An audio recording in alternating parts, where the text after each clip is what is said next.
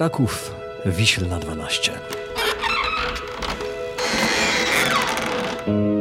To tutaj od stycznia 1946 roku na tyłach Pałacu Arcybiskupów Krakowskich mieściła się redakcja założonego kilka miesięcy wcześniej Tygodnika Powszechnego.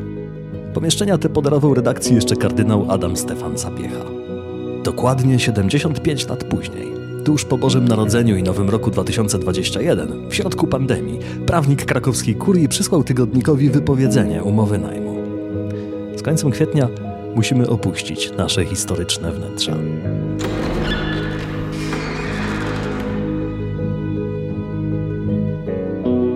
Tu Michał Kuźmiński. Na Wiślnej spędziłem ostatnie 20 lat. Jestem właśnie teraz na Wiślnej, w małym pomieszczeniu bez okien. Tuż obok dawnego gabinetu Jerzego Turowicza, tuż obok, naprzeciwko, siedzieli Józefa Henelowa i Krzysztof Kozłowski. Kiedy po raz pierwszy przyszedłem do redakcji, te dwie dekady temu na studencką praktykę, to był pokój redaktorów i to właśnie w tym miejscu tutaj dostałem swoje pierwsze zadania. Wiele lat później to pomieszczenie stało się magazynem, a ja urządziłem w nim studio podcastu powszechnego, bo książki i gazety na regałach zapewniały dobrą akustykę.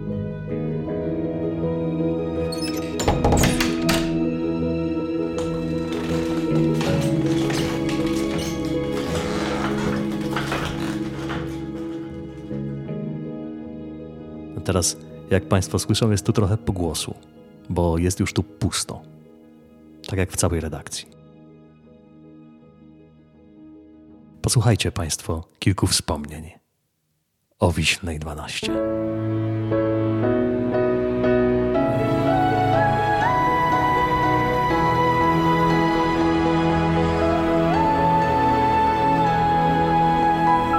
Podcast powszechny. Weź, słuchaj. Jestem ksiądz Adam Moniecki. Na Wiślą wszedłem pierwszy raz, gdy dobrze pamiętam, 1964 rok yy, na zaproszenie biskupa krakowskiego. Tam się znalazłem i zostałem właściwie do tej pory. Już w tej chwili jako senior, czytaj emeryt, ale yy, ciągle jest to moim domem. I dla mnie taką najważniejszą sprawą jest to, że właściwie tak się złożyło moje życie, że ja żyłem utożsamiony z dwoma domami, można powiedzieć. Domami w sensie mury, ale w sensie także y, środowisko, z którym się utożsamiałem. Z y, środowiskiem księżowskim, w którym pracowałem jako ksiądz i z redakcją, y, której fizycznie biorąc takim miejscem nie tylko symbolicznym, ale faktycznie miejscem, gdzie to się realizowało, to była właśnie Wiśla 12. Było to szalenie ciekawe doświadczenie, jak teraz widzę z perspektywy, które wpłynęło na moją formację czy deformację duchową, dlatego że to były rzeczywiście światy nie przeciwstawne, nie konkurujące, świat to było pismo katolickie, rzeczywiście zaangażowane w sprawy Kościoła osobiście, ale perspektywa y, z była jednak no, całkiem inna. Tych świeckich ludzi, wśród których pracowałem, z którymi pracowałem, do których, z którymi się utożsamiałem z tym, z tym miejscem. To było, można powiedzieć, takie dwa paralelne światy, w których żyłem i jeszcze jedna była taka paralelność, że był świat PRL-owski, to była jednak większa część mojego życia, i wychodziło się z Wiśnej w ten świat, albo się wchodziło z tego świata w świat kompletnie inny. Tu właściwie można było mówić o wszystkim, można było y, spotkać wszystkich ludzi, którzy w tym PRL-u nikli, nie było ich w mediach, nie było ich y, w dyskursie publicznym, a jednocześnie to była jakaś niesłychana siła, która taki drugi front życia, który w tej Polsce istniał. Tacy ludzie jak, jak Turowicz, tacy ludzie jak Bartoszewski, który tam przecież bardzo często był na Wiśnej i to była taka postać, że jeżeli nie był fizycznie obecny, to tam był bardzo obecny. Tacy ludzie jak prząd swoją niesamowitą historią, a jednocześnie y, zaangażowany w to, co się w Polsce dzieje bardzo odważnie. tacy ludzie jak Kubiak. I mało tego, tutaj chyba ten element yy, istotny to był, że to było miejsce otwarte poza granice żelaznej kurtyny. Dzisiaj już tego nie bardzo zdaje człowiek sobie sprawę, jaka to była obrzydliwa rzecz, ta izolacja, kontrola y, czasopism, informacji, trudności w wyjeździe. Y, wszystkie te rzeczy, które odgradzały nas od świata. I tutaj w tym ty, ty, ty, tygodnik na Wiśnej 12 to był takim miejscem, gdzie y, fantastyczni ludzie z takiego świata przede wszystkim chrześcijańskiego, katolickiego, ciągnęli. Jedni ciągnęli sami, ale biskup Wojtyła, arcybiskup, kardynał, on miał taki odruch, że on jak miał kogoś ciekawego, to on go ciągnął do tygodnika i przychodzili razem. To nie była wizyta księdza kardynała z dywanami, tylko po prostu przychodzili, żeby porozmawiać. Siadało w tych fotelach, kto mógł czas, miał czas i nie, nie musiał czegoś innego robić, siadał. Tamśmy się gromadzili w tym pokoju Jerzego Turowicza i, i to były fantastyczne spotkania no, rozmaitego typu.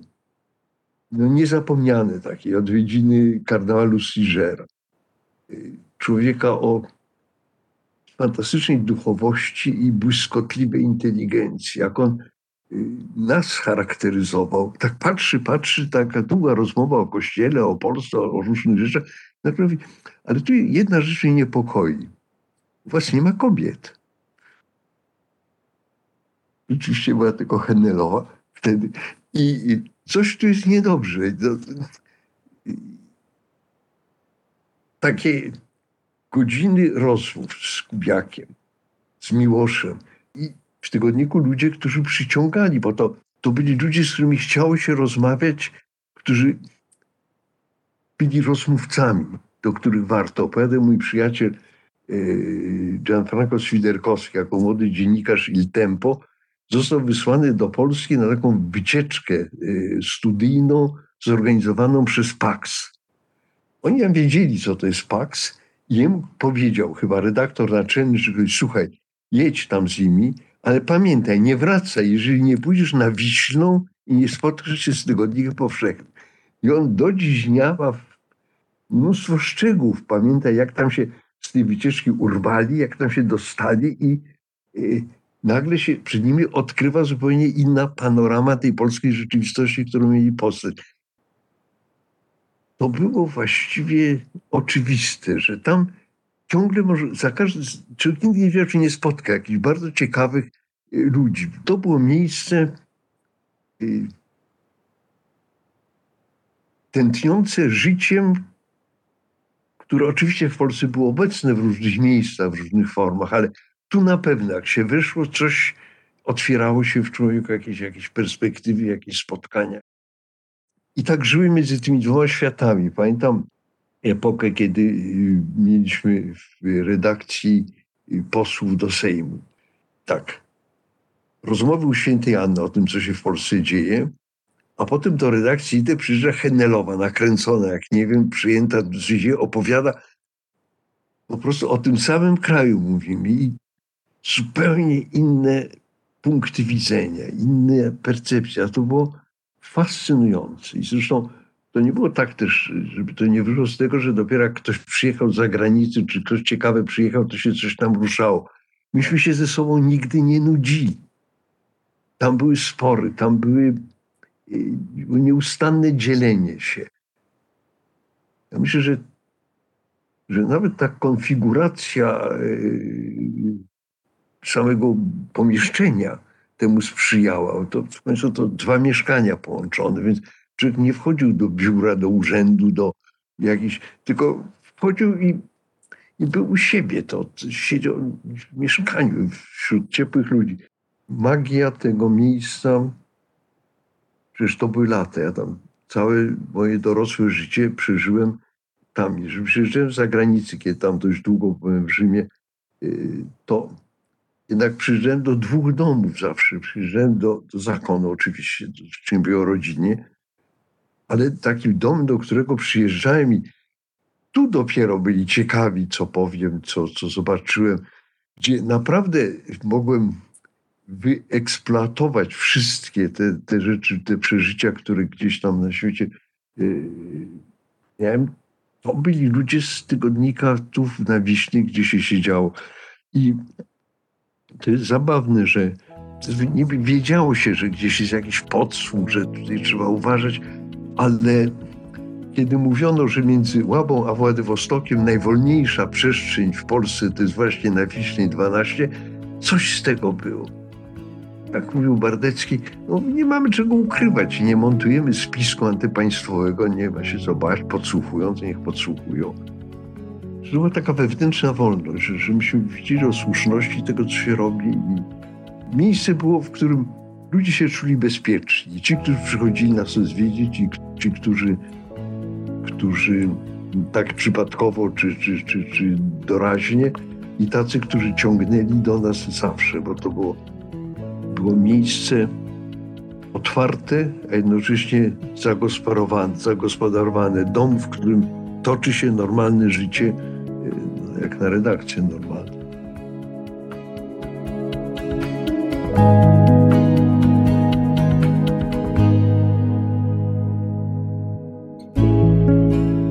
Nazywam się Anna Goc. Na Wiślnej pracuję od 8 lat w Tygodniku Powszechnym. Czym jest Wiśna 12?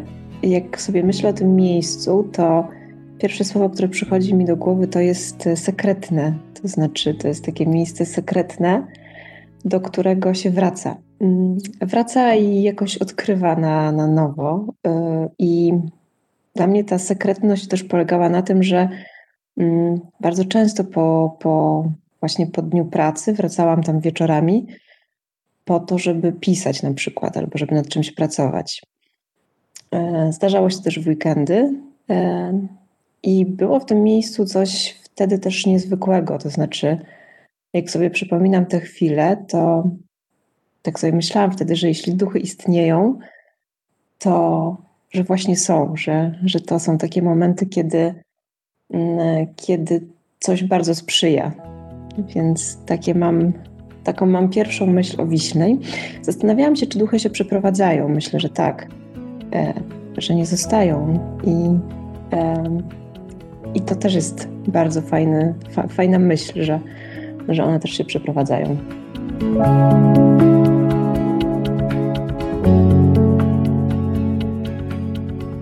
Nazywam się Michał Okoński i na Wiślej 12 pracowałem przez 30 lat.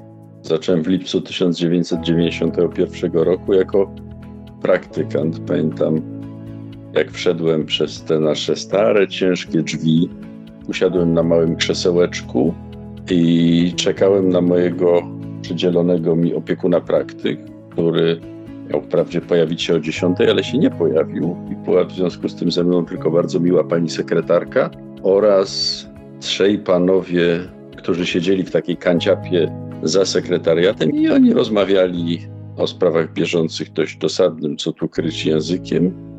I wtedy upadł taki mój pierwszy fundamentalny lęk związany z przebywaniem w redakcji Tygodnika Powszechnego. Lęk, o którym kiedyś Jerzy Pilch mówił, jak jego paraliżował, mianowicie taki lęk, że pojawi się na Wiśnej 12 i profesor Jacek Woźniakowski powie coś do niego po francusku, a on nie będzie wiedział kompletnie o czym mowa. No więc ja też miałem taki lęk, nie będę ukrywał. Miałem praktykować w gazecie, której redaktorem naczelnym był Jerzy Turowicz, jednym z najważniejszych autorów, ksiądz Tischner. Miałem 20 lat. Po pierwszym roku polonistyki, nic kompletnie o świecie nie, nie wiedziałem a zwłaszcza nie potrafiłem mówić po francusku. No ale okazało się, że ten problem nie istnieje. I właściwie to przez pierwszą godzinę nauczyłem się całej masy rzeczy związanej z funkcjonowaniem tej redakcji w przyszłości, ale nie dzisiaj, bo jednak wtedy mój opiekun praktyk się zwyczajnie nie pojawił, albo pojawił się z dość dużym opóźnieniem, a, a teraz jednak to wszystko hula jak w zegarku co tu kryć. Masę mam wspomnień, masę mam wspomnień z, y, Wiśnej 12. Niektóre są śmieszne, niektóre może wzruszające.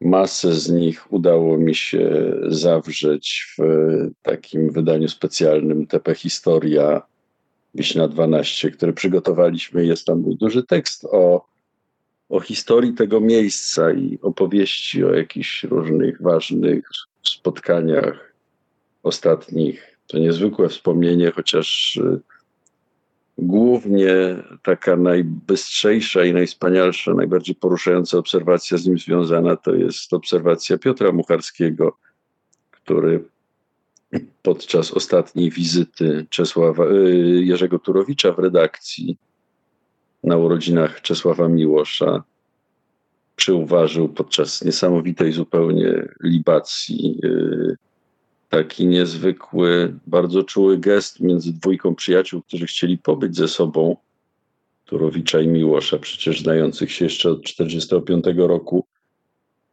Chcieli ze sobą pobyć, pogadać, ale ciągle ktoś im przeszkadzał, ciągle ktoś ich y, od siebie odrywał. I to Piotr y, zauważył, podpatrzył i opisał taki moment, w którym Miłosz wyciąga rękę, cofają tak do tyłu i łapie Turowicza za rękę, trzyma i trzymają się razem. Taki obraz bliskości i przyjaźni mocniejszy niż y, tysiące słów.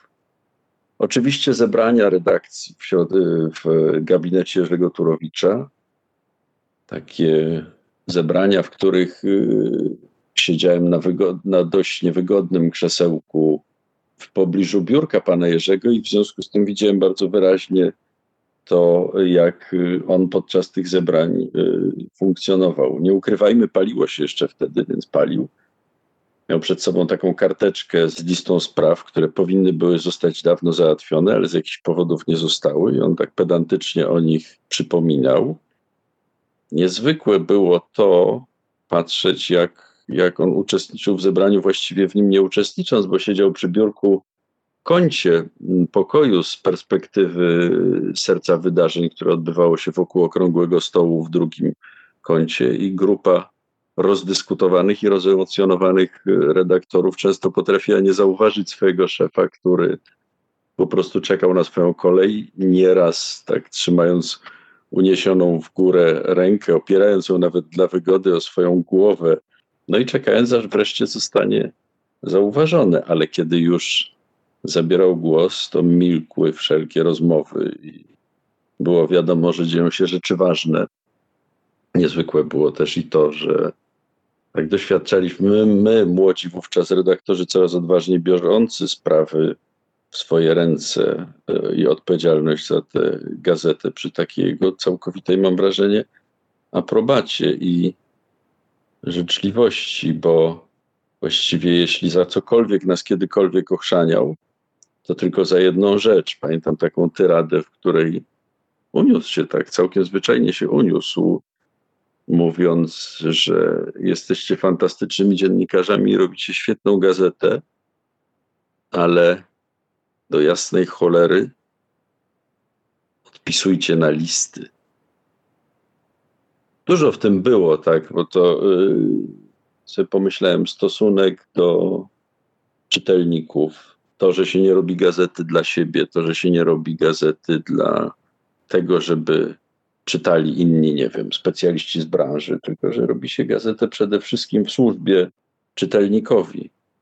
Lekcje Jerzego Turowicza właściwie z Wiśnej 12. Pamiętam, jak y, matka Teresa trafiła do szpitala i Jerzy Turowicz spokojnie po prostu zniknął i zabrał się za pisanie tak zwanego krokodyla, czyli artykułu pośmiertnego jeszcze za jej życia. Byłem wtedy młodym chłopakiem bardzo i nie mieściło mi się w głowie, że takie rzeczy wypada, czy można robić. No ale zobaczyłem, że służba czytelnikowi może polegać też zwyczajnie na tym, że jest się przygotowanym do pewnych y, dość podstawowych kwestii. Niezwykłe, niezwykłe są takie ciągłości, których ja mam szczęście doświadczać jako właśnie człowiek z 30-letnim stażem. Tak się złożyło, że e, po licznych przemeblowaniach siedziałem w ostatnich latach e, z Wojtkiem Pięciakiem w pokoju, w którym pracowali kiedyś przed nami i siedzieli przy tych samych biurkach Mieczysław Przon i Krzysztof Kozłowski, Józefa Hennelowa. Mam też i takie wspomnienie, że asystent kościelny Tygodnika Powszechnego, ksiądz Andrzej Bardecki, zapalony różdżkarz, co mówię po cichu, żeby nie usłyszał Łukasz Kwiatek, szef działu nauka, chodził po redakcji i sprawdzał y, obecność tak zwanego, nie wiem jak to się nazywa, promieniowania geopatycznego, tych żył wodnych, takich, które raz dobrze, a raz źle e, e, robią, jeśli, jeśli gdzieś występują w jakimś miejscu. Nie będę ukrywał, że miejsce, w którym zasiadałem ostatnio, miejsce, które było poprzednio miejscem Krzysztofa Iziuty, to nie było miejsce najszczęśliwsze, jeśli idzie o żyły wodne i ksiądz Andrzej bardzo przestrzegał, żeby tam nie siadać. Siedziałem tam i nie narzekałem, ale myślę sobie, że fluidy, jakie zostawili poprzednicy, byli, były naprawdę dobre. Bo to jest też opowieść o Wiślej 12, o miejscu, w którym niektórzy nocowali, mieszkali, nie tylko dlatego, że pracowali całą noc podczas redagowania jakiegoś nadzwyczajnego numeru. Mnie się to zdarzyło po śmierci Jerzego Turowicza właśnie, nie wyjść na noc y, z redakcji, ale mieszkali, bo przyjeżdżali z Warszawy i musieli gdzieś tam przenocować i Zbigniew Herbert, młody kandydat na sekretarza redakcji w 1953 roku, po prostu sypiał w pokoju redaktora naczelnego na takiej niewygodnej kanapie i Turowicz przychodząc do pracy budził go grzecznie.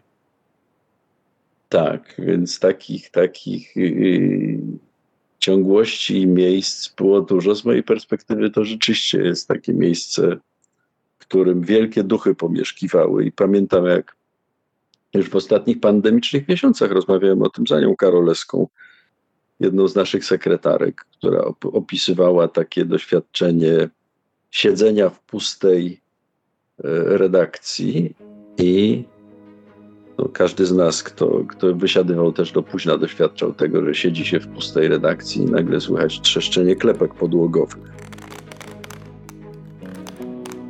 I to dziwne jest doświadczenie, bo przecież wiemy dobrze, że jesteśmy tam sami i nikogo innego nie ma, jednak te klepki trzeszczą. No i, i Ania i ja zgadaliśmy się właściwie co do tego, że to jest takie poczucie, że to te nasze duchy tam sobie funkcjonują. No ja pytam Anię, ale co, nie bałaś się, nie? Ona mówi, nie, nie, mam poczucie, że to, no, że mogę tu być, że możemy tu być. To taka wspaniała nagroda na, na zakończenie tego pobytu na Wiślej 12 takie poczucie, że kolejne, kolejne pokolenia, te, które też nie znały ojców założycieli i tak dalej, naprawdę mogły tutaj być.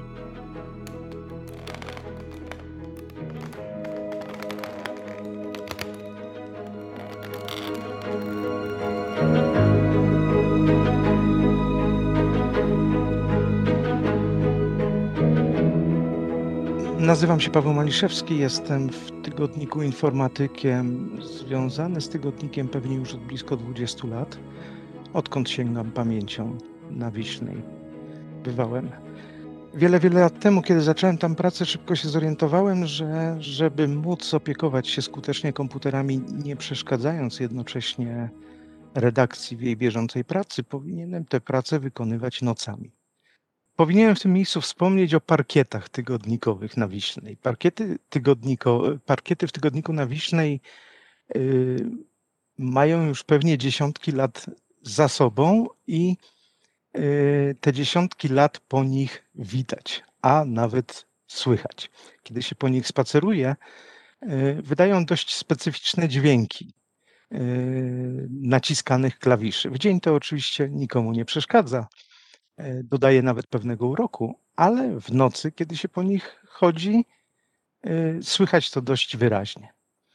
Wiele lat temu, kiedy tam e, zacząłem pracę, siedząc w nocy przy którymś z kolejnych komputerów, nagle usłyszałem dźwięk tych klawiszujących klepek w parkiecie. Kłopot w tym, że byłem wtedy jedyną osobą, która w tygodniku była. Możecie sobie w związku z tym wyobrazić, że wszystkie włosy, jakie mam na ciele, stanęły mi dęba. Z przerażeniem y, uznałem, że w takim razie ktoś jednak w tygodniku poza mną jest. Uzbroiłem się w leżącą obok taką dość długą linijkę metalową, która w fotoskładzie leżała i pełen odwagi, machając tą linijką na prawo i lewo, wbiegałem do kolejnych pomieszczeń, krzycząc: Wychodź, pokaż się. E, pewien, że tam jest jakiś obcy człowiek, który albo dybie na majątek tygodnika, albo na, na mnie. Obleciałem wszystkie pomieszczenia, oczywiście nikogo nie znalazłem. Uspokoiłem się po kilkudziesięciu minutach, wróciłem do pracy, ale po kilku tygodniach sytuacja się powtórzyła klepki znowu hałasowały. Ja znowu machając, nie pamiętam, pewnie tym razem stylem odmiotu albo czymś podobnym przebiegłem wszystkie pokoje. Wiele miesięcy upłynęło, nim do tego stąpania po tygodniku y, i tego hałasu się mm, przyzwyczaiłem. Po jakimś czasie uznałem, że to chyba jednak jest duch. Y, pojawiał się bardzo często, hałasował bardzo, bardzo często ale chyba był przyjazny, dlatego że ani nigdy nie, nie sprawiał mi kłopotów. Do tego stopnia się do niego przyzwyczaiłem, że podejrzewam, że w nowej lokalizacji będę za nim tęsknił, jeśli nie będzie już hałasował. Oczywiście próbowano mi wytłumaczyć, że to ma związek z jakimiś y, zmianami wilgotności, y, y, kurczeniem się i rozkurczaniem drewna. Ja tam swoje wiem. To był na pewno ktoś spacerujący po tygodniku.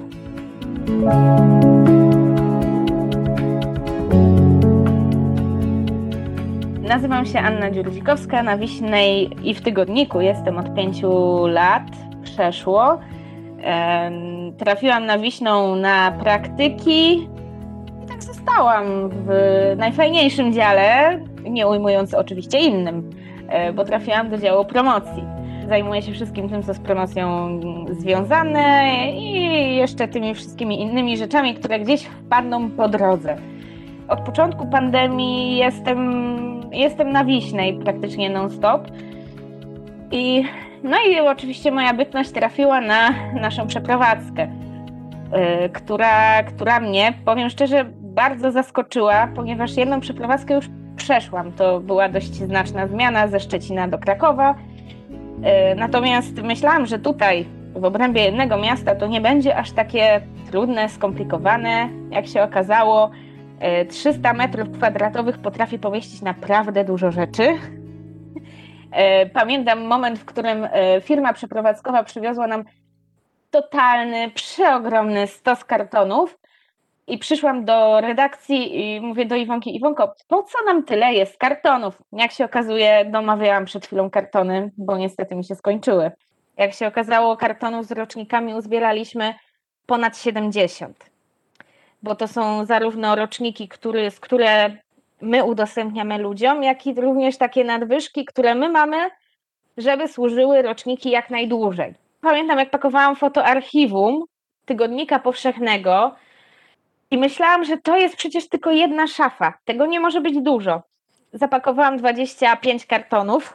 E, panowie jak z firmy przeprowadzkowej, jak to nosili, to mówią tak, Boże, kierowniczko, kierowniczka to naładowała tych kartonów tyle, że po prostu masakra. Ja mówię, panowie, ale to jest historia. I, nosi, I oni zanosili te kartony, które dzień wcześniej ja pakowałam i z nawet takiej czystej ciekawości gdzieś a zobaczyłam to zdjęcie, a zobaczyłam tutaj, a, a, a, a, a, o, a co jest w tej kopercie, więc już człowiek musi otworzyć. I, i, I, tak sobie, a później sobie myślę, Boże, przecież ja nie mam na to czasu, ja sobie to przeglądnę na dworskiej, ale to taka była po prostu czysta ciekawość. E, ogarnianie tego, tego ogromu, który no, jednak zgromadziliśmy przez y, te wszystkie lata, gdzie byliśmy na Wiślnej, to był strasznie y, mozolny proces układania, segregowania. Wiadomym jest też to, że wiele rzeczy gdzieś się nie zmieści na, w nowej siedzibie. I to też było takie segregowanie z tak zwanym y, bólem serca, czyli co zrobimy z rzeczami, do których jesteśmy przywiązani, nie mówiąc tylko o meblach, ale również o książkach, czy, czy ktoś to przygarnie. Okazało się, że, że się udało znaleźć osoby, które bardzo chętnie przygarną różne, różne przedmioty. Wiele naszych rzeczy, które były na półkach, w ogóle półki, nad którymi też ubolewaliśmy, że, że gdzieś się osierocimy, że, że one zawsze z nami były, i, i, i że no taki po prostu taki wewnętrzny ból serca, który gdzieś się pojawiał przy tej przeprowadzce.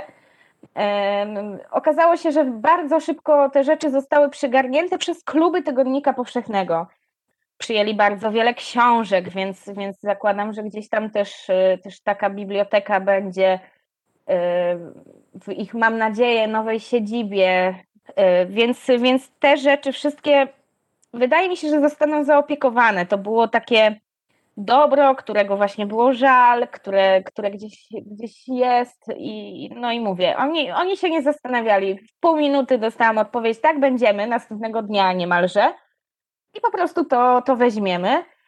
E, natomiast na przykład meble, pamiętam sytuację z tego tygodnia, kiedy przyszła do nas szkoła i ta szkoła z radością to przyjęła, krzesła, biurka, więc y, to, że to, że też jakby nasza przeprowadzka przyczyni się do tego, że komuś będzie po prostu lepiej, y, tak jak właśnie tej szkole, to, to jest fantastyczna rzecz.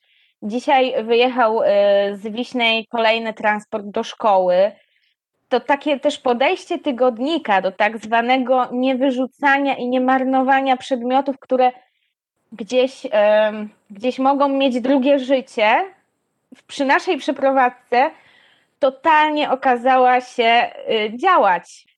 Też, też piękne było to, że mm, człowiek wyciągał coś z szafek, czy nawet z regałów, i nagle się okazywało, że w ogóle za, tym, za tymi książkami są w ogóle jakieś jeszcze inne książki, albo jakieś inne jeszcze papiery, dokumenty.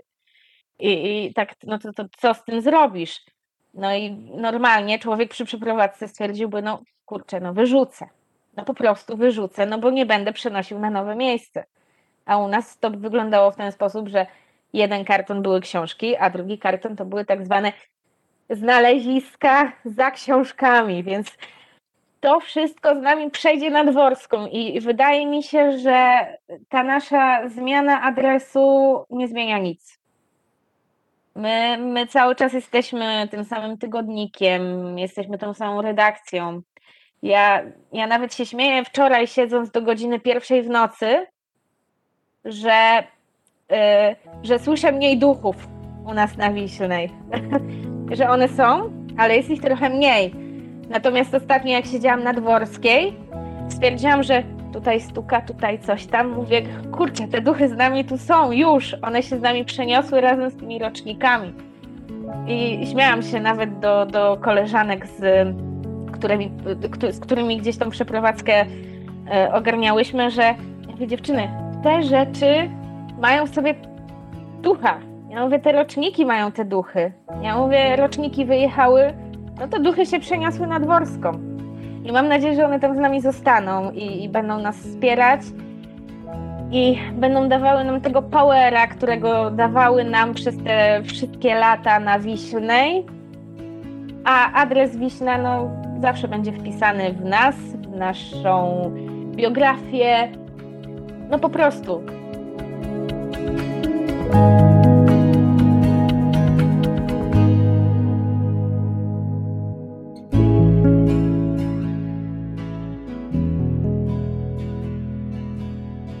Nazywam się Bartek Dobroch. E, jestem dziennikarzem Tygodnika Powszechnego. Jestem związany z Wiślną od 2002 e, roku, e, czyli 19 lat. Wtedy się po raz pierwszy pojawiłem w redakcji. Pojawiłem się w redakcji jeszcze w czasach, kiedy, kiedy istniały te słynne boksy, opisywane później przez Pilcha, między innymi w felietonach wydanych niedawno w książce Widok e, z mojego boksu. Natomiast e, niebawem, jakiś rok później, nastąpił duży remont. Tygodnik się bardzo zmienił. ale ciągle ta tkanka ludzka, która, która tworzyła tamten przekrój epok, epok właściwie dwóch, bo to było już po Turowiczu, a nastąpił jako redaktor naczelny wtedy ksiądz Boniecki. No i to był czas jeszcze, w, studiowałem wtedy polonistykę mm, niedaleko, bo na Gołębi, właściwie do, do tygodnika były dwa kroki. No i ludzi, o których się mówiło na zajęciach na polonistyce, e, lub z którymi się miało te zajęcia, spotykało się w, w tygodniku. No i to były nie, nie, niesamowite spotkania, nie, nie, niezapomniane postacie e, redakcji. Na przykład e, pamiętam, jak Marcin Świetlicki e, zwykł korygować teksty tygodnikowe w dziwnych miejscach i pozach i na przykład przekraczało się go, bo korygował akurat w futrynie drzwi, siedząc na przykład po turecku albo, albo, albo po prostu z wyłożonymi nogami. Albo Marian Stala, który opierał się o blat w, w sekretariacie, o blat biurka z, z taką słynną maksymum e, powtarzaną pod nosem, Boże, jak mi się nic nie chce. także, także to były takie czasy, e, no dziś myślę o nich trochę jako czasach, czasach w pewnym sensie legendarnych e, pisma, natomiast taki moment, w którym, w którym ten związek z Wiślą był e, chyba najmocniejszy e, mój, zaczął się taki mocny, mocny związek, to był 2005 rok i e, śmierć Jana Pawła II, pogrzeb, następnie pielgrzymka Benedykta XVI 2006 rok, dlatego że to był czas, kiedy właśnie z Michałem Kuźmickim, z, z wicenaczelnym obecnie Tygodnika Powszechnego, mm, pisaliśmy, pisaliśmy, opisywaliśmy te wydarzenia i właściwie były momenty, kiedy spędzaliśmy w redakcji 24 godziny. E, nocowaliśmy tam chyba dwa razy. E, ja pamiętam e, jeden, jeden nocleg na, na, na kanapach w pokoju naczelnego, no bo wtedy za, za księdza Bonieckiego w tym pokoju naczelnego. I e, po, powrót z Rzymu, gdzie byliśmy na pogrzebie Jana Pawła II i od razu do, do redakcji popędziliśmy, żeby, żeby pisać tekst. Po, po, po tej całej akcji byliśmy tak zmęczeni, że e, dyrektor e, tygodnika Jacek Ślusarczyk autentycznie proponował nam wtedy odnowę biologiczną w niedalekim hotelu Radisson odmówiliśmy, chociaż on, on się zarzekał, że autentycznie po prostu e, nam to opłaci. Byliśmy wykończeni, ale, ale rzeczywiście pobijając wtedy chyba jakieś rekordy pracy po 40 kilka godzin bez snu. No ale to wszystko się udało i udało się też e, dzięki temu miejscu, bo, bo nie sądzę, żebyśmy dali radę po prostu w taki sposób pracować, gdyby nie Wiśla. No i Wiśla to, to zawsze dla mnie jest jakiś taki genius, genius locji, e, też e, związane z tym, że na, na, na Wiślej napisałem praktycznie większość, większości dwie książki, w tym, w tym pierwszą książkę napisaną z Przemkiem Wilczyńskim, Brodpik, Niebo i Piekło, to właściwie nie wiem, w 80% chyba, chyba napisałem ją na Wiślej.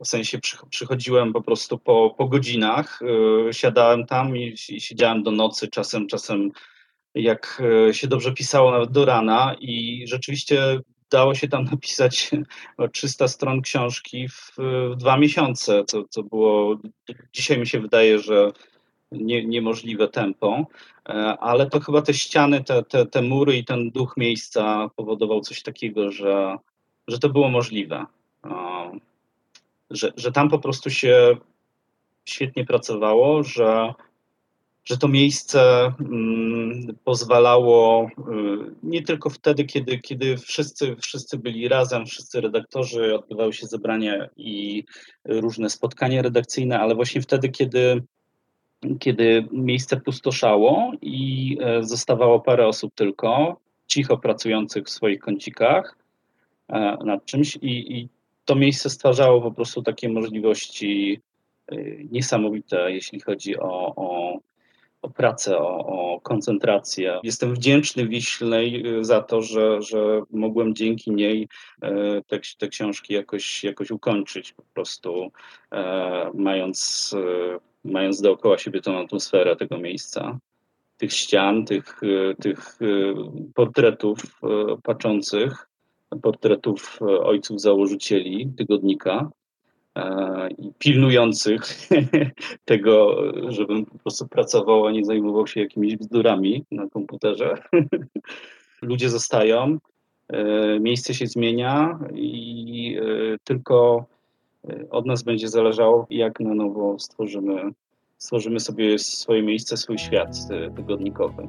Bo ten świat był, był stworzony e, od początku e, w sposób, w sposób e, genialny i myślę, że dzięki tym ludziom można ten świat odtworzyć w innym miejscu.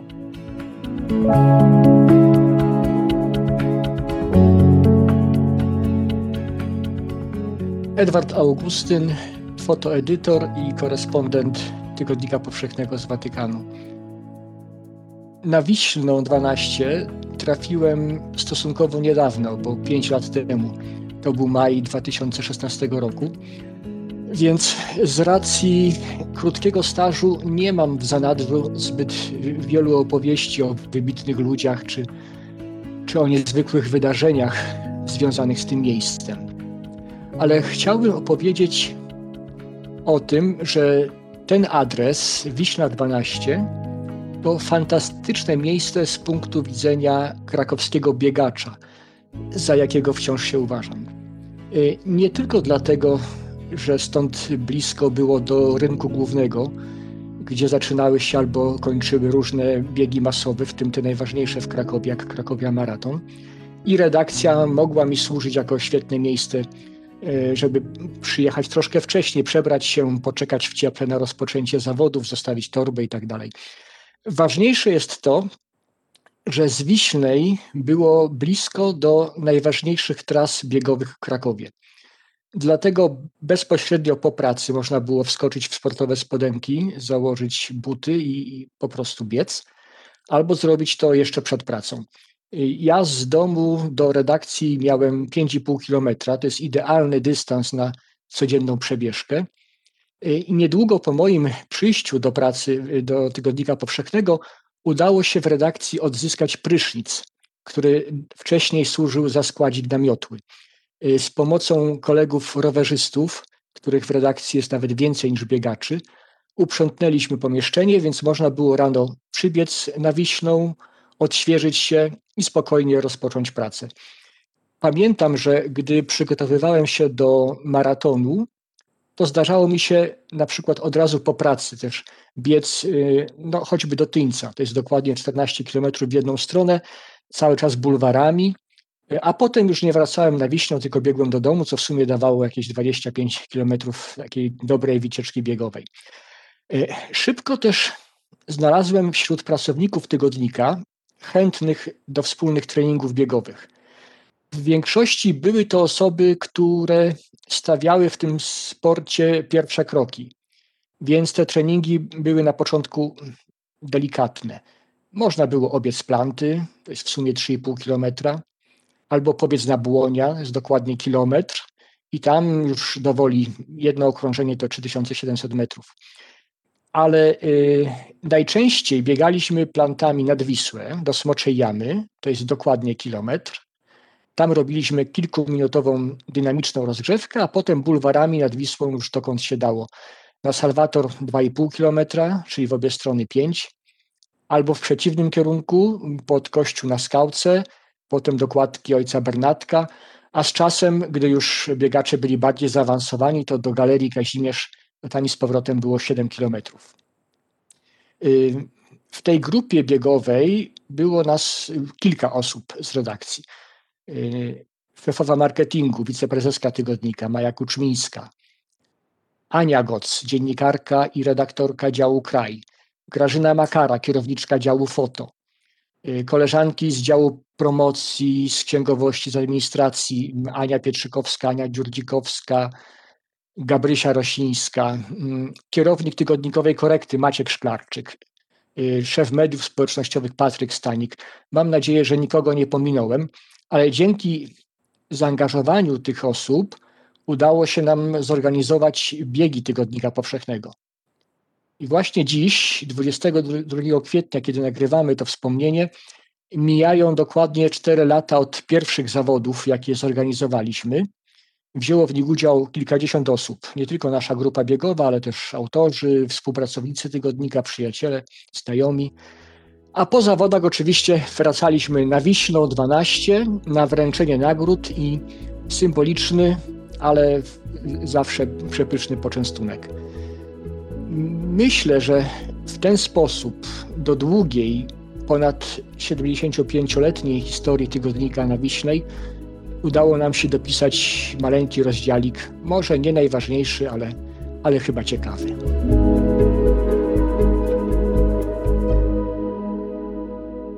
Nazywam się Marta Filipiuk-Michniewicz. W Tygodniku Powszechnym jestem odpowiedzialna za promocję pisma, za projekty specjalne. W Fundacji Tygodnika Powszechnego koordynuję akcję społeczną Lekcje Czytania i bywam też y, głosem podcastu powszechnego. Przypomniała mi się przy okazji tej wyprowadzki mm, taka nasza wewnętrzna, redakcyjna opowieść, y, o której pomyślałam, że też część, część z nas już ją jakoś zamknęła, bo na Wiśnej oprócz redakcji jest też dach, na który się wychodzi bezpośrednio z okien pomieszczeń redakcyjnych. To jest dach, który nie jest poziomy, który jest pod skosem, który ma bardzo małą przestrzeń, tak naprawdę użytkową, albo nie ma jej wcale, ale przez lata ta przestrzeń była właśnie taką przestrzenią wspólną dla nas, była naszym tarasem i naszym miejscem, gdzie po pierwsze wychodziło się na papieroska albo na kawkę, albo żeby pomyśleć o czymś, albo na krótką przerwę jakąś. Tam też się to, toczyły um, takie jakieś ciche rozmowy czasami dotyczące i y, tematów, i być może prywatnych spraw. Ale to, co było też bardzo wyjątkowe na tym dachu, y, to to, że tam był ogród, który założyła Graszka Makara ogród pełen sukulentów i innych roślin. Rosło nam tam wspaniałe awokado. I jak się wychodziło w tę przestrzeń, to rzeczywiście przez moment znajdował się człowiek w innym zupełnie miejscu. Ciekawe, że to było takie też miejsce, gdzie, z którego wszyscy absolutnie chyba korzystali i, i wychodzili tam odetchnąć. I to było też taka przestrzeń, gdzie, która pozwalała przejść właściwie wzdłuż całej redakcji, od newsroomu przez sekretariat, y, pokoje redaktorskie, aż do pokoju Turowicza, pod samymi oknami.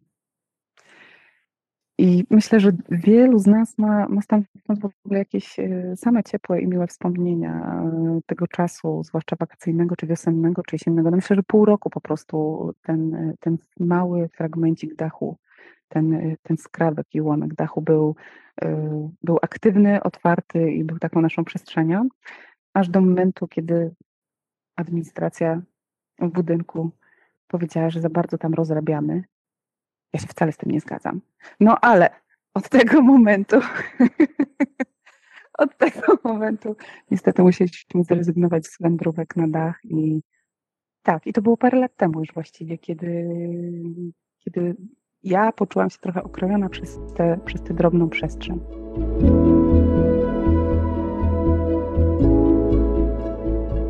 Nazywam się Grzegorz Jankowicz. Jestem redaktorem Tygodnika Powszechnego od 13 już prawie lat. I od tylu lat przebywam wraz z moimi koleżankami, kolegami na ulicy Wiśnej. I z tym miejscem mam dwie historie. Mianowicie jedna dotyczy jego e, niewiarygodnych e, szerokości i głębokości, a druga e, paradoksalnie, przeciwnie, wskazuje na jego zbyt małe granice, zbyt wąskie granice. Zacznę od tej drugiej. Otóż przed laty, jako organizator festiwalu Konrada, przygotowałem kolejny program kolejnej edycji. Promocja Tygodnika Powszechnego wymyśliła, że powinniśmy o tym nowym programie Festiwalu Konrada, który jest współorganizowany przez Fundację Tygodnika Powszechnego, przez miasto Kraków i przez Krakowskie Biuro Festiwalowe, że powinniśmy o tym nowo powstałym programie poinformować naszych odbiorców za pomocą specjalnego filmu. E, żeby było ciekawie, to promocja wymyśliła, że ten film nagramy na dachu E, który, do, na który można było wyjść z redakcji Tygodnika Powszechnego przez okno. No więc e, owszem, wyszliśmy na ten dach. Nie tylko ja, bo był tam również Michał Paweł Markowski, dyrektor artystyczny festiwalu. Ustawiliśmy się na początek, stojąc na tym dachu. Okazało się jednak, że kamera nie łapie nas kiedy stoimy, w związku z czym poproszono nas o to, żebyśmy usiedli. Ale kiedy usiedliśmy, okazało się, że kamera wciąż nas nie łapie, więc musieliśmy się e, na tym dachu położyć. I należąco opowiedzieliśmy o e, programie kolejnej edycji. Nie pamiętam, czy to była druga czy trzecia e, edycja festiwalu Konrada. Jak to się miało do ostatecznego efektu, to muszę Państwu powiedzieć, że nie wiem, bo nie śmiałem po prostu tego filmu obejrzeć. Publiczność nas odwiedziła, więc nie mogło być źle, ale ale na wspomnienie tamtego doświadczenia drże. Drugie doświadczenie dotyczy, jest związane z wnętrzem. To pierwsze, to, to co powiedziałem, się wydarzyło na zewnątrz, drugie się wydarzyło wewnątrz. Otóż praca redaktorki, redaktora Tygodnika Powszechnego to jest niezwykle pasjonująca praca, ale bywa taka chwila, kiedy po prostu umysł odmawia posłuszeństwa i człowiek musi coś zrobić. Musi się wybrać na spacer, musi odetchnąć, zaczerpnąć tchu.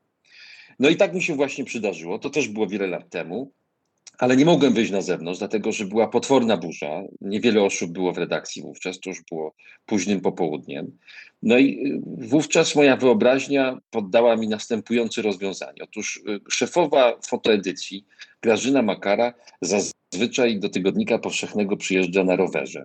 I ten rower, bardzo kompaktowy, zgrabny, wprowadzała e, wtedy do środka. Ten rower znajdował się w redakcji. Grażyny nie było, no więc postanowiłem, że wykorzystam jej rower do krótkiej przyjażdżki po redakcji Tygodnika Powszechnego, a żeby podnieść skalę trudności, e, postanowiłem, że za pomocą tego e, urządzenia odwiedzę wszystkie pomieszczenia Tygodnika Powszechnego. No i rzeczywiście tak się, proszę Państwa, zdało, że oprócz toalety i kuchni wjechałem wszędzie. Czy to sprawił po prostu właśnie ten przypaścisty charakter wnętrz przywiśnej, czy y, kompaktowa struktura roweru Grażyny Makary, czy też po prostu moja determinacja, nie wiem. E, na rowerze zrobiłem rundkę po wszystkich pomieszczeniach znajdujących się przy Wiśnej.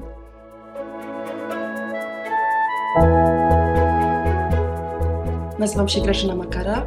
Jestem fotografką, fotoedytorką w Tygodniku Powszechnym. W Tygodniku Powszechnym jestem od października 2007, 2007 roku. Redakcja na Wiślnej. E, to miejsce mm, było dla mnie pełne wędrującego światła. E, poranny snop, snop światła witający wszystkich w redakcji, w sekretariacie niesamowite wrażenie, bo e, odkąd pamiętam, to przeważnie jak wchodziłam do tygodnika, to, e, to witała mnie ta właśnie jasność. Potem to światło wędrowało, zaglądało do naszego kolegium, kładło się e, łagodnie na, na stołach, na, e, na rozmawiających. E, jeszcze wcześniej, gdy mieliśmy kolegia w gabinecie księdza Adama, to ono zatrzymywało się na jego biurku. Niekiedy już rzadko docierało tam do nas w głębi, w zależności jaka była pora roku a potem wędrowało y, wokół redakcji. Y, spalało nam ogród na dachu, który wieczołowicie żeśmy y, wszyscy pielęgnowali. Potem pięknie przechodziło przez planty i wchodziło do gabinetu Piotra i pięknymi smogami kładło się wokół newsroomu, korekty do składu, do działu promocji. To wtedy drugiej części redakcji robił się taki e, niebieski, fajny zmierzch, a potem wieczorem e, taki ciepły półmrok osadzał się w całej redakcji. no fantastyczne to było obserwowanie, jak krąży to, to światło po całej redakcji, ale nie ma czego żałować. Podobno na Dworskiej ma być jeszcze jaśniej.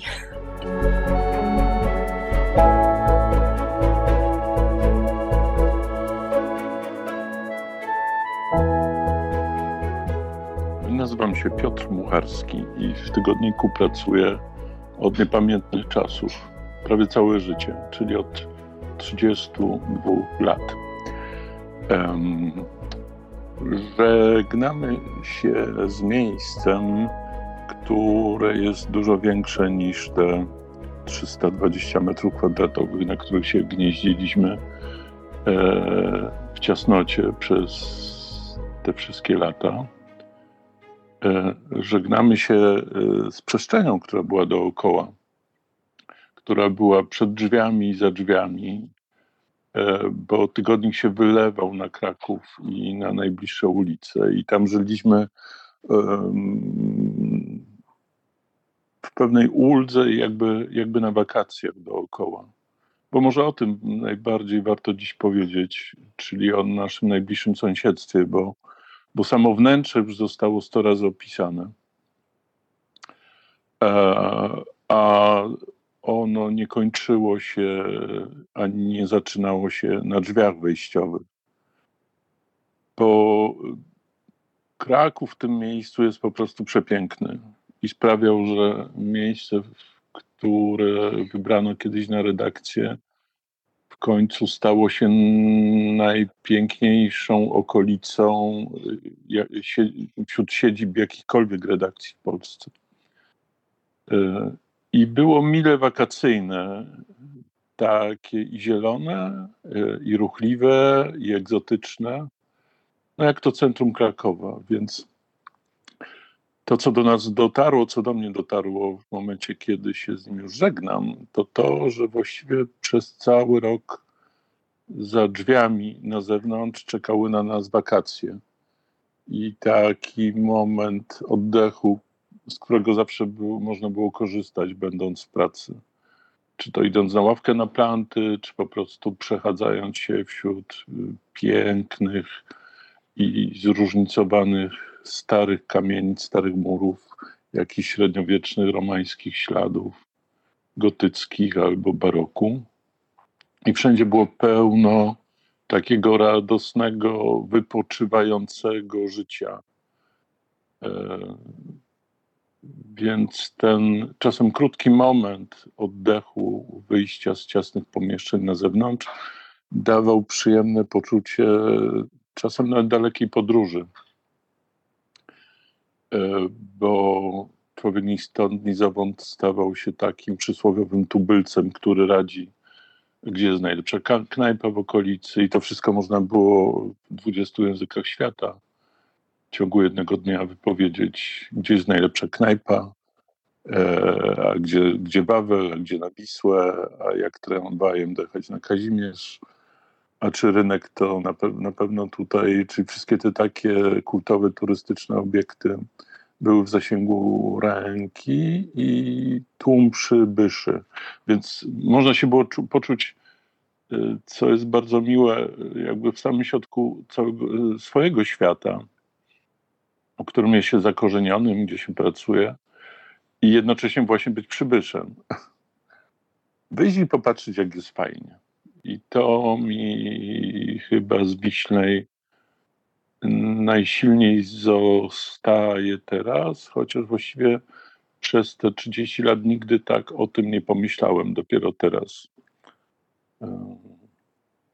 Może nam się uda wakacje przenieść na, na Dworską, bo jednak myślę, że po tylu latach treningu jesteśmy nie tylko mistrzami w wykonywaniu naszej pracy, ale też w jakimś sensie, co tu kryć, możemy to zdradzić.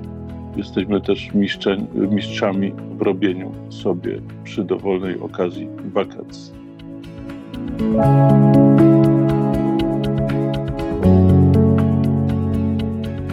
Maja Kuczmińska w tygodniku od 2011 roku, szefowa działu promocji, wiceprezeska zarządu.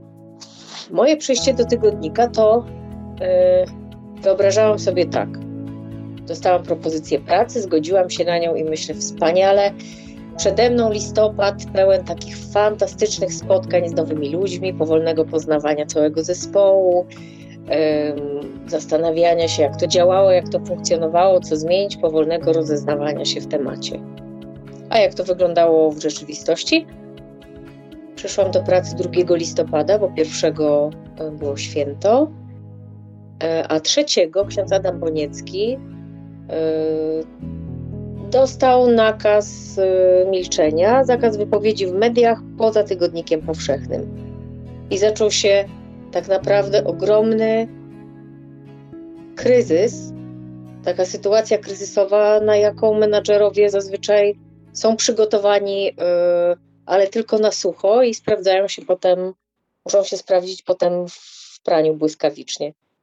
A ja przyszłam, to był mój drugi dzień y, jakby poznawania zespołu i zupełnie zostałam sama siebie, musiałam wrzucić w wir po pierwsze komunikacyjny, po drugie takiej pracy zespołowej, bo w bardzo dużej mierze to wszystko jakby zaradzenie temu kryzysowi y, i potem jakieś korzyści, które ostatecznie z tego wypłynęły, zależało y, od ludzi, którzy byli już w tygodniku i pracowali od wielu lat.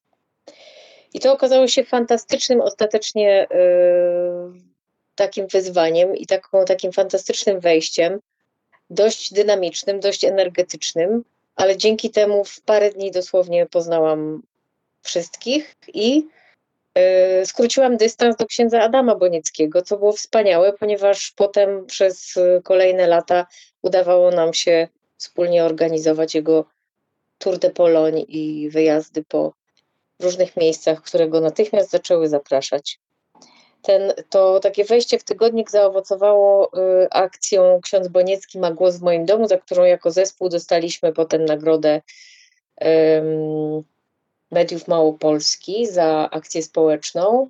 I myślę, że to w świadomości naszych czytelników jest y, jakoś do tej pory ważne i to hasło, i, i to, jaką akcję taką solidarnościową udało nam się wtedy wzbudzić. Pamiętam, że to był bardzo y, popularny symbol, że ludzie się y, nim dzielili, że ludzie się oznaczali w mediach społecznościowych. I myślę, że to też było potrzebne księdzu Adamowi, żeby zobaczyć, jak ludzie go y, słuchają i jak ten głos jest naprawdę jego potrzebny.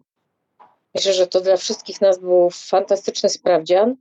I, i, I pewnie wiele z tych doświadczeń, które wtedy uzbieraliśmy, udało nam się powtórzyć z mniejszym lub lepszym skutkiem w kolejnych latach.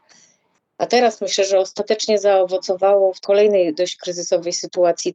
Także mogę, mogę moją obecność w tygodniku w sumie takimi krokami y, odznaczyć od, y, od tego pierwszego, y, od tej pierwszej akcji Ksiądz Boniecki ma głos w moim domu, przez y, różne y, akcje wsparcia dla różnorakich środowisk, aż po, aż po tą wyprowadzkę, która, która się właśnie dokonuje, ale która przenosi zespół, który jest fantastycznie ze sobą skomunikowany, jest solidarny, jest, y, z którym się fantastycznie pracuje. Myślę, że to jest ogromna wartość zobaczyć w takich sytuacjach kryzysowych po prostu siłę ludzi, a nie miejsca.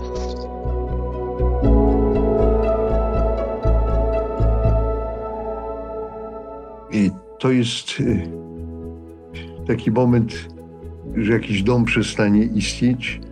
Y, dla mnie jest to doświadczenie bardzo oswojone. Y, w życiu miałem przynajmniej cztery takie domy, które były takimi bezpiecznymi miejscami od zawsze, od pokoleń, więcej czy mniej. I przestały istnieć kompletnie. Po prostu, czy wypędzono nas, czy zostały zburzone jak dom w Warszawie. Więc to nie jest taki szok y, y, wyjść w nowy etap y, do tych domów, które były kiedyś, a potem już przestały istnieć jako dom w sensie materialnym. Dopisuje Wiśnu jako część integralną mojego życia, psychiki, formacji coś bardzo ważnego i myślę, że nie jestem tu sam, że, że dla wielu z nas, którzyśmy przez to przeszli, dłużej czy, czy krócej, to było takie właśnie miejsce, gdzie się tworzyło wewnętrzną osobowość człowieka, lepiej gorzej. Być inaczej, to jest zupełnie inne wnętrze, inne miejsce. Bronię się przed tym, żeby nie, nie przymierzać aży na Wiśnej, żeby tu odtworzyć. Nie ma co odtwarzać. To, to jest nowy etap.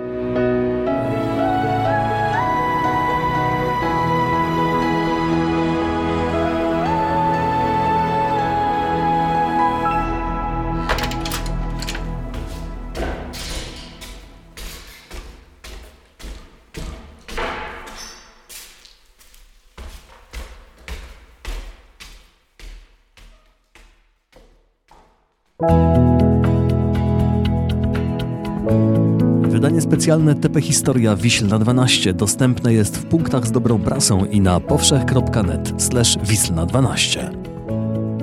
Dźwięki z Wiślnej 12, które towarzyszyły temu odcinkowi, pochodzą z dokumentacji nagranej na potrzeby pocztówki dźwiękowej w realizacji Petera Łyczkowskiego i Agnieszki Rasmus.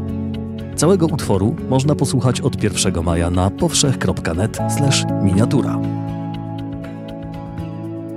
Jeśli słuchają nas Państwo w Spotify albo w Apple Podcasts, zasubskrybujcie nasz kanał. Jesteśmy też w Google Podcasts i w aplikacji Lekton oraz na www.tygodnikpowszechny.pl/podcast.